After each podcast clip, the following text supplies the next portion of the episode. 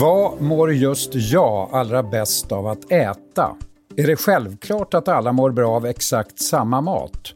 Troligen inte. Testa tarmfloran så kanske svaret finns där. Studio DN idag om den nya högintressanta forskningen om sambandet mellan mat och hälsa och om hur kosten samverkar med den bakterieflora som finns i mage och tarmar. Jag heter Lasse Bengtsson.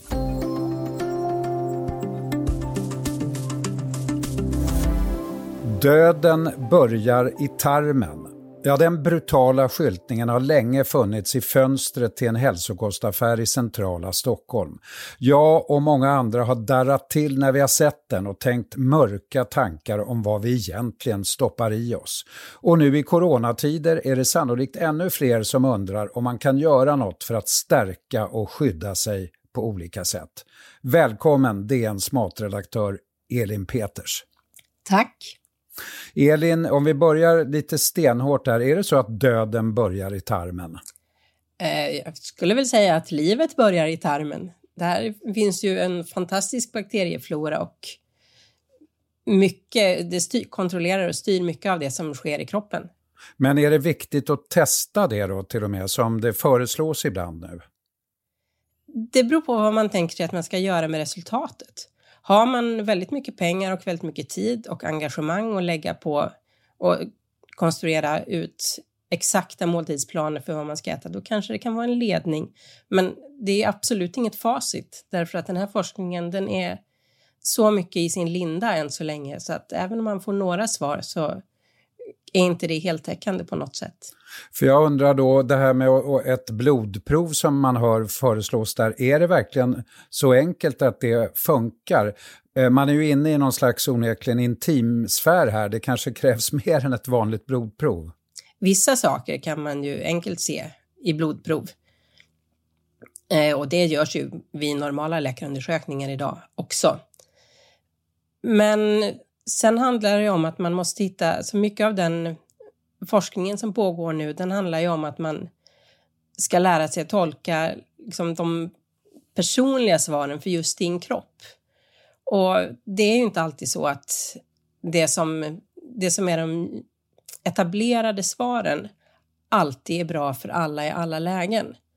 Utan de kostråden som finns idag till exempel, de är ju framtagna för att passa stora mängder av människor under stora delar av livet. Mm. När det istället eh, handlar om en kombination om, eh, av vem du själv är och vad du äter. Så här säger docenten i livsmedelskap på Chalmers, Carl Brunius. Hade det varit du är vad du äter så hade alla haft nytta av samma sak. Men det, det verkar inte vara så, utan du är kombinationen av dig själv och det du äter att det finns en, en, interaktion som vi kanske måste lära oss att ta, ta hänsyn till. Det är alltså, Elin, inte lika för alla, utan det handlar om personaliserad kost. Hur långt har man kommit på vägen mot sån här personaliserad kost? Det är väl i sin linda än så länge. Det här är ett ganska nytt forskningsområde som är stort och komplicerat. Och att forska på sånt här som handlar om kost och hälsa och saker som man äter, det, det är svårt och det tar lång tid att göra bra studier som man ser får liksom effekt över tid. Vad är, svår, vad är svårigheterna framförallt? Eh, man måste kontrollera exakt vad folk äter. Och för att om vi till exempel ska göra en studie där du är med så måste man antingen förse dig med matkassar och sen så får du bara äta exakt av dem. Eller så måste du själv rapportera precis vad du äter, hela dagarna, allting in i minsta detalj. Och där finns det en, det är ganska vanligt att man eh, gör lite glädjekalkyler, eller vad man ska säga. Man har en tendens att glömma bort de onyttiga sakerna när man framhåller de eh, Bullarna och chokladbiten och glassen. Mm, oj, de glömde man bort. Ja. Precis. Och för att en för att den, man ska se eh, konsekvenserna av en diet så räcker det inte med att man eh, käkar några, äter den bara några veckor. Utan det här handlar ju om livsstilsfrågor som, jag menar, det, man måste följa personer i många, många år. Och att då ge dig matkassar eller att få dig själv rapportera under så lång tid, det är väldigt, väldigt svårt. Och den typen av forskning är dyr och tar lång tid. Och tarmen och allt det där och sambanden är, är komplicerade har jag verkligen förstått. Om man nu försöker konkretisera det något lite till en grej som jag tyckte var intressant, det här med ett av de vanligaste kostråden, det är ju att äta fullkorn. Men, men det är inte så enkelt att det är lika bra för alla att äta fullkorn. Nej, det som Carl Brunius och hans forskarkollegor på Chalmers upptäckte var att man kan identifiera olika grupper, eller de kunde i sina tester i alla fall identifiera olika grupper där vissa hade större nytta av fullkorn som var gjort på vete medan andra hade större nytta av fullkorn som var gjort på råg. Och vilken grupp man tillhörde, det verkade enligt deras forskning hänga ihop med eh, vilken bakteriekultur som var dominerande i de här personernas tarmar. Det är alltså två olika nyckelspelare i tarmen kan man säga. Mm, det kan man säga. Bacteroides och Prevotella. Vad är det för gynnare? Ja, det tror jag att du får prata med Carl Brunius om. Men det är två väldigt vanliga bakterier som man har i tarmen och anledningen till att de har kunnat titta på dem är för att de är så vanliga. De finns i stor mängd så det är ganska lätt att mäta. Men de är också associerade med olika typer av eh, kost. Alltså den ena är associerad med västerländsk kost, sånt som innehåller mycket rött kött, eh, processade livsmedel, raffinerat eh, mjöl och sådana saker. Medan den andra då är lite mer det man brukar kalla för komplex kost. Mera, alltså mera fullkorn, mera eh, rena råvaror, inte så mycket socker och sådana saker. Det är det här som kallas enterotyper, förstår jag. Ja, exakt. Kan man förändra en enterotyp och genom att man ändrar kosten? Forskarna är lite oense om den saken. Vissa tror att det går, vissa tror att det inte går. Vissa tror att det inte finns enterotyper överhuvudtaget. Om jag frågade Carl Brunius om den saken och han sa att han trodde nog att det går, men att det krävs ganska stora förändringar och under ganska lång tid, att alltså är svårare än man, man tror. Det är inget man gör i en handvändning.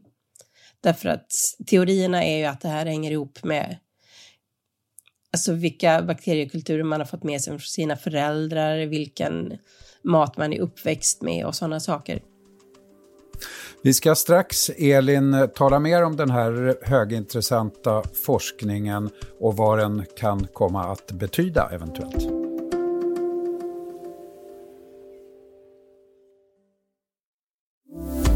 Ja, Elin Peters, intresset för den här tarmforskningen är mycket stort nu eh, från eh, forskarna men givetvis också från konsumenter och investerare. Beskriv eh, vad som händer, Elin, i det stora. Eh, så det man ser framför allt är ju att det kommer sådana här erbjudanden. Testa din tarmflora med ett enkelt blodprov kan du få reda på precis vad du ska äta och så. Och eh, det är ju ett oerhört stort sug bland konsumenter och vanliga människor att få, alltså att få lite ledning till hur man ska äta. Det är ju den frågan man alltid ställer sig. Vad är bäst för mig att äta? Vad mår just jag bra av? Får du ofta sådana frågor i ditt eh, jobb som, som eh, matredaktör? Ja, det kan jag väl säga, därför att ofta när vi skriver om saker som är etablerat nyttiga, som till exempel om fullkorn, eller om eh, kål till exempel, som ju också är en, alltså en bra fiberrik grönsak med mycket bra näringsämnen och så, så hör ju ofta av sig folk som säger så att ja, men jag har problem med magen och jag kan inte äta fibrer därför att då händer det här och det här. Eller att jag har precis den här sjukdomen och då är det farligt för mig att äta för mycket kol. Och då blir man ju, det blir väldigt uppenbart då att även om det är bra för många i stort så finns det ju många fall där, där de här etablerade kostråden faktiskt inte funkar. Mm. Eh, jag antar att du får frågor också om, om eh, det här eh, kött, fisk, veganskt till exempel. Har det någonting överhuvudtaget, undrar jag, med det här med tarmen att göra? Påverkar det tarmen och de här bakterierna? Jag skulle säga att jag får inte så mycket frågor om den saken, utan jag får väldigt mycket påståenden. Så i just den här frågan så tror jag att det handlar, det handlar väldigt mycket om åsikter, uppfattning och ideologi och sådär. Och både vad det gäller hälsa och klimat. Så där, I den frågan är det mera så att folk är intresserade av att berätta för andra vad som är sant än att gå till sig själva och se vad de mår bra av. Men väldigt många äter ju för mycket kött. Och det verkar finnas liksom negativa hälsoeffekter av det. Däremot är det väl inte självklart att det bara går att, att det alltid blir bättre att byta ut det mot vegansk kost. Därför att det handlar ju om vad det är för vegansk kost man byter ut det mot. Det finns ju väldigt mycket veganska högprocessade livsmedel också. Och vad de har för effekter på tarmfloran, det vet inte jag. Men den processade kosten är ju ett problem för ganska många.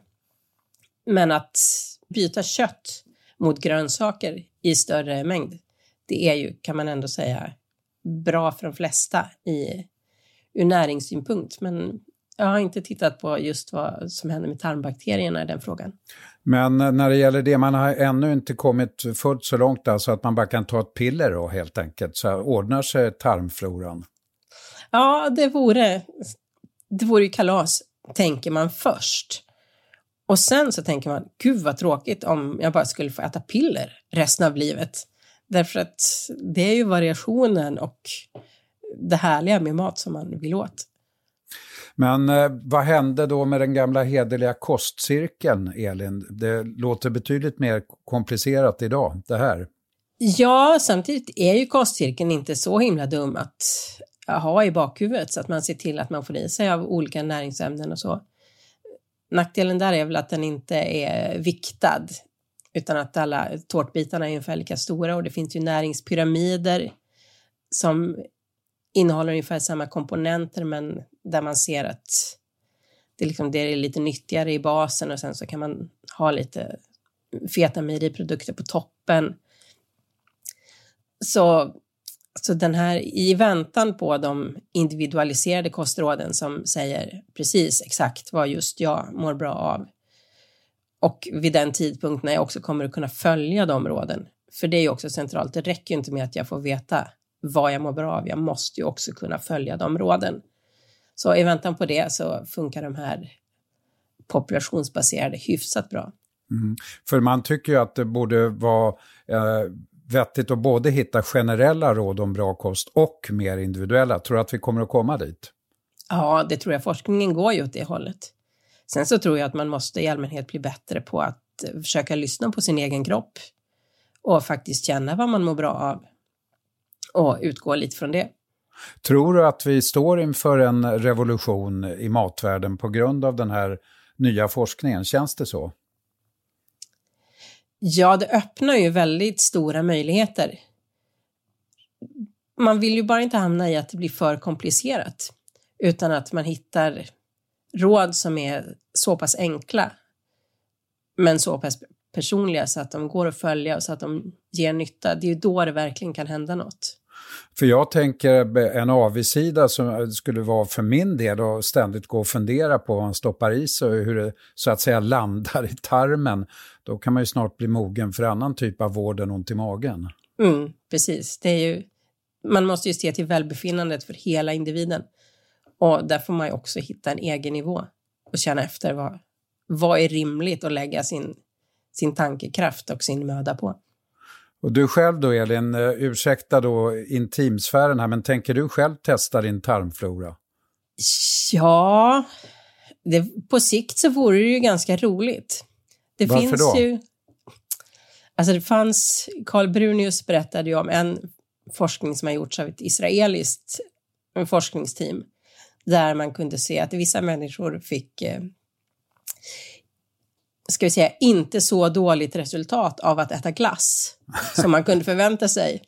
Och eh, jag skulle ju hemskt gärna vilja vara en av dem som kan äta glass utan att känna att det påverkar min hälsa allt för negativt. Glass istället för ris som man jämförde med vad jag förstår. Hellre glass än ris alltså. Hellre glass än ris. Tack så mycket. Det är en stor intressant eh, forskning på gång här. Tack Elin Peters. Studio DN görs av producent Sabina Marmelakai, exekutiv producent Augustin Erba, ljudtekniker Patrik Miesenberger, teknik Oliver Bergman, Bauer Media. Jag heter Lasse Bengtsson. Vi hörs.